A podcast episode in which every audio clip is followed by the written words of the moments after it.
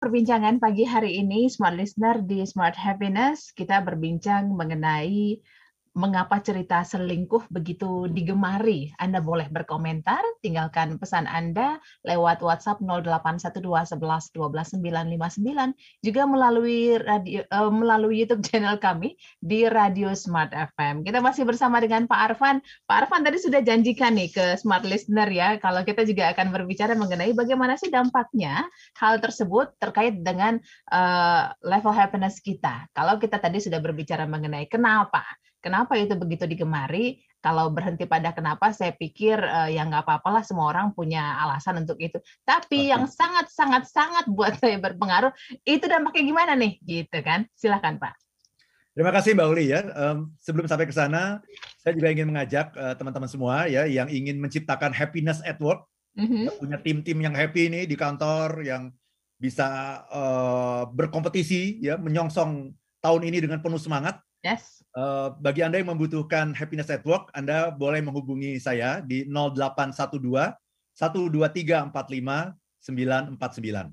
0812 12345 949 ya untuk uh, acara seperti rakor itu kan rapat koordinasi, rakornas, mm-hmm. rapimnas, rapim atau kick off meeting atau town hall meeting biasanya sering kali dilakukan di awal tahun ya. Silakan yeah. langsung menghubungi saya dan mudah-mudahan kita bisa menciptakan happiness at work di tim Anda masing-masing. Oke, okay, ya. Baik, nah uh, tadi kita sudah lihat ya kenapanya gitu ya. Kenapa sih orang uh, suka ya? Dan salah satunya juga adalah karena uh, bad news is good news kan? Ya, Pasti berita, ya, Pak.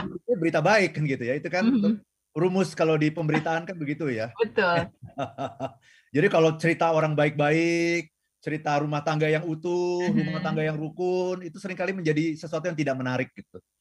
Padahal secara kalau kita membahas mengenai happiness, justru hal-hal seperti itulah yang seharusnya ditonjolkan, Mbak Uli. Yeah. Justru kita harus membuat sebuah eh, sinetron seperti Keluarga Cemara. Nah, nah itu, itu kan bagus sekali gitu ya. Kalau kemudian eh, seri-seri seperti itu dijadikan web series. Nah, yeah, ya. Setuju. Kenapa begitu? Nah, ini penting penting sekali kalau kita membahas mengenai uh, happiness ya. Karena uh, ketika kita menonton uh, web series semacam itu, itu pertama waktu kita menjadi habis. Mm-hmm. Itu dulu, waktu kita menjadi habis. Mm-hmm. Ya, kemudian bukan hanya waktu, ada banyak kegiatan yang menghabiskan waktu, tapi selesai gitu, selesai di situ.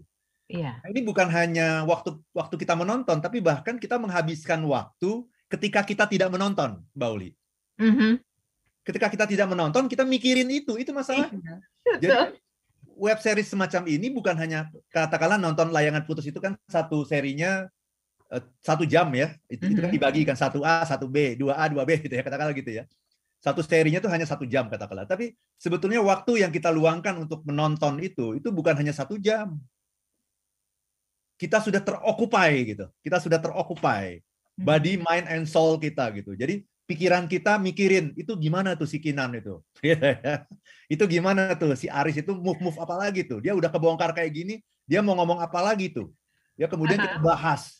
Ketemu temen eh, komunitas gitu, apakah itu tetangga, komunitas senam gitu ya, apa pun gitu. Kita bahas habis-habisan gitu. Dan kemudian kita pikirin, bahkan kemudian bisa terbawa mimpi juga gitu. Ya. Jadi web series semacam ini mengalihkan kita dari sesuatu yang mungkin sebetulnya jauh lebih penting dalam hidup kita gitu. Oke. Okay. kali kita jadi lupa mana nih sebenarnya hal yang penting dalam hidup kita.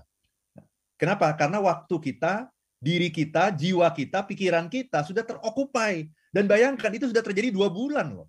Pikiran masyarakat Indonesia, lebih dari 15 juta orang di Indonesia sudah terokupai dengan yang namanya layangan putus ini.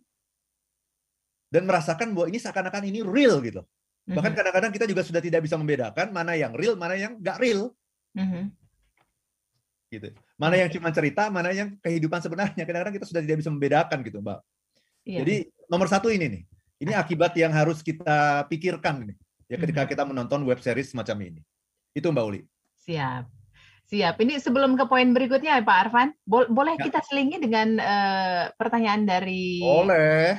Dengar ya, pertanyaan dan juga apa namanya kesan mereka terhadap cerita-cerita demikian. Saya mau sapa dulu ada Ibu Leli atau Mbak Leli. Uh, Pak Arfan saya suka nontonnya layangan putus itu. Kenapa suka? Jadi belajar bagaimana cara bersikap kalau-kalau itu terjadi pada kita juga. Katanya gitu ya. Seru juga ada bahasan buat sahabat. Nah Pak Arfan, kalau-kalau itu kan sering banget juga ya kita pakai untuk eh kalau kalau nanti itu terjadi sama kita berarti yang kita lakukan adalah apa yang sudah dilakukan oleh Kinan. Kan gitu ya kurang lebih. Gimana Pak? Nah tentu saja saya ingin mengatakan juga ya salah satu sisi positif gitu ya dari uh, web series layanan putus ini kalau saya uh, lihat gitu adalah uh, bisa jadi detektif gitu. Sehingga okay. ada orang yang bilang Kinan itu kadang-kadang dia berubah jadi detektif Conan katanya gitu Iya. Jadi gimana cara mengenali gimana cara mengenali tanda-tanda bahwa uh, suami Anda ada kemungkinan berselingkuh? Mhm. Gimana cara mencarinya? Kemudian ada aplikasi apa gitu kan? Aplikasi apa untuk bisa um, mencari, menelusuri, me yeah. melakukan tracking gitu kan? Nah, itu, itu salah satu contohnya gitu ya. Itu itu yang hal yang positifnya seperti itu gitu. Mm -hmm. Tapi sesungguhnya kalau dipikir-pikir lagi, ini kan sebetulnya bisa um, mengurangi trust level kita kepada pasangan kita loh. Iya, iya. Iya kan. Jadi uh, ibu-ibu atau para wanita yang menonton ini ada kecenderungan nanti untuk lebih uh, gampang curiga sama pasangannya gitu. Dan ini kan juga nanti akan membuat suasana rumah tangga menjadi kurang uh, harmonis ya. ya. Iya. Terlalu curiga, terlalu hmm. protektif gitu. Betul. Kenapa? Karena kita sudah uh, sudah menghayati gitu kehidupan sebagai seorang kinan itu. Melihat tanda hmm. seperti ini. Eh, lihat uh, di di mobil suami ada apa gitu. Ada kancing baju. Kancing baju siapa? Anting siapa? Gitu kan. Iya. kemudian bagaimana cara meng mengetrack ini cari aplikasinya. Sampai dia dia bisa menyadap telepon suaminya dan telepon uh, selingkuhan suaminya.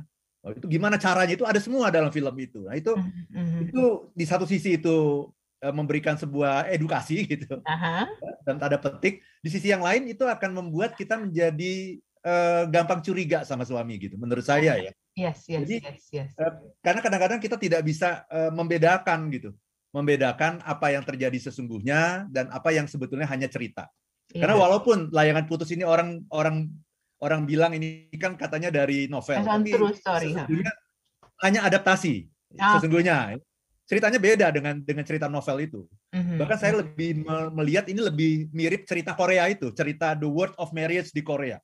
Mm-hmm. Karena The, The World of Marriage itu istrinya juga dokter juga, sama-sama dokter. Mhm. Suaminya mm-hmm. bisnismen juga, sama-sama gitu. Ya, cuma bedanya nih selingkuhannya uh, itu orang uh, putri pengusaha yang kaya yang yeah. menjadi rekan bisnis uh, suaminya. Itu kalau Betul. The World of Marriage. Mm-hmm. Dalam film Layangan Putus ini lebih parah loh selingkuhannya ini adalah psikolog anak. Psikolog oh. anak gitu. Oke. Okay. Jadi uh, yang kemudian banyak melakukan harassment gitu ke, kepada anak dalam hal ini adalah anak selingkuhannya. Mm-hmm. Kemudian dipaksa menerima bahwa saya adalah uh, pasangan kumpul kebo sang ayah gitu. Mm-hmm. Jadi bayangkan ya seorang anak kemudian uh, mengalami sebuah uh, dalam tanda petik sebenarnya kekerasan ya. Iya. Kekerasan psikologis ketika dia dipaksa menerima bahwa guru sekolahnya yang juga psikolog anak mm-hmm. itu ternyata menjadi selingkuhan ayahnya. Yes. Dan tinggal satu rumah dengan ayahnya tanpa menikah dan kemudian mengajak dia tinggal di rumah itu. Mm-hmm. Nah, ini kan merupakan sebuah pembelajaran yang menurut saya uh, kurang uh, sehat gitu.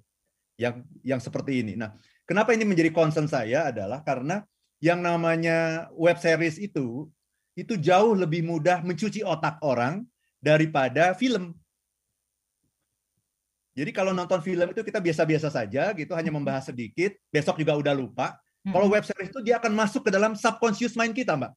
Dia akan masuk pelan-pelan masuk ke dalam bawah sadar kita. Mm-hmm. Dan kemudian kita jadi menghayati kehidupan sebagaimana eh, Kinan melihat kehidupan, sebagaimana Aris melihat kehidupan, sebagaimana Lydia melihat kehidupan gitu. Iya, iya. Jadi uh, nanti lama-lama kita akan berubah gitu. Trust level kita pada pasangan berubah. Mm-hmm. Kemudian mungkin kalau seorang wanita yang belum menikah gitu bisa jadi takut menikah loh. Ya karena oh. melihat oh ternyata ini sesuatu yang kehidupan um, pernikahan seperti itu gitu ya. Buat tidak bahagia malah kan. kan seperti itu. Atau malah menganggap yang namanya selingkuh itu adalah sesuatu yang biasa. gitu. Biasa. ya dan kebebasan itu dan yang juga ditunjukkan dalam film ini kan adalah salah satu unsurnya kan adalah kebebasan yang yang ditunjukkan. Itu menjadi sesuatu yang biasa saja gitu. Dan itu masuk pelan-pelan. Jadi eh, cuci otak yang paling bagus itu adalah ketika dia masuk pelan-pelan Mhm, ke dalam subconscious mind kita. Mhm. dan kemudian kita menghayati itu dan kemudian kita tidak merasa ada perubahan dalam diri kita padahal sebetulnya kita sudah berubah secara perlahan-lahan Iya. cara pandang kita terhadap kehidupan sudah berubah nilai-nilai kita terhadap kehidupan sudah berubah Mhm. ya jadi ini masuk ke dalam subconscious mind kita gitu jadi Oke. ini yang saya kira yang yang perlu kita waspadai gitu karena Hmm. kalau web series semacam keluarga cemara itu akan pad- pada akhirnya akan men- menciptakan sebuah bayangan yang bagus misalnya oh kehidupan yang eh, ideal tuh yang seperti ini rumah tangga yang harus dipertahankan tuh yang seperti ini Mhm. atau kalau zaman dulu itu ada dulu di TV itu sinetron rumah masa depan misalnya Oh ya, itu juga saya kira kalau dibikin web series itu juga akan bagus sekali bagus ya. atau Iya. Lost Man misalnya. Nah, ini kan Lost Man kan dibikin eh, apa namanya film ya, film Film. layar lebar ya. Mm-mm. Kalau itu dibuat ke dalam sebuah eh, web series semacam ini, itu akan bagus dan mungkin akan bisa membuat orang menjadi punya bayangan yang lebih ideal mengenai keluarga-keluarga di Indonesia itu Ah, seperti apa gitu. iya iya iya iya. Siap, siap. Betul. Itu. Siap, Pak Arfan. Waktunya tipis banget. Benang merahnya mungkin bisa disampaikan sedikit saja, Pak Arfan, atau sudah tadi? Silakan.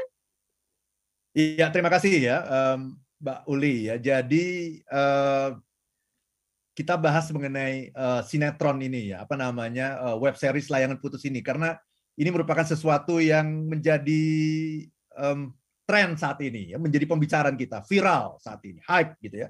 Dan kenapa ini penting? Karena eh, web series semacam ini itu masuk ke dalam pikiran kita secara perlahan-lahan masuk dalam subconscious mind kita secara perlahan-lahan. Nah ini yang perlu kita waspadai Siap. sehingga nanti jangan sampai nanti selesai menonton ini, selesai eh, seri ini kita menjadi orang yang berbeda, Mhm. melihat dunia dengan cara yang berbeda Oke. dan akhirnya bukan mencapai happiness tapi hanya kesenangan, Oh, kesenangan yang sama sekali bukan happiness, hanya pleasure ya dan kita tidak ya. bisa membedakan mana yang real dan mana yang merupakan sebuah fiksi ya atau hanya cerita belaka gitu. Mhm. Seperti Siap itu, kalau begitu Pak Arfan. Terima kasih smart listener. Mohon maaf tidak bisa semua kami bacakan pertanyaan Anda dan eh, apa namanya pesan Anda lewat WhatsApp dan juga lewat YouTube channel. Tapi terima kasih sudah bersama kami. Kita ketemu lagi minggu depan. Saya Anastasia Uli. Dan saya Arfan Pradiansyah. If you wanna be If happy, Be happy. Be happy. happy now.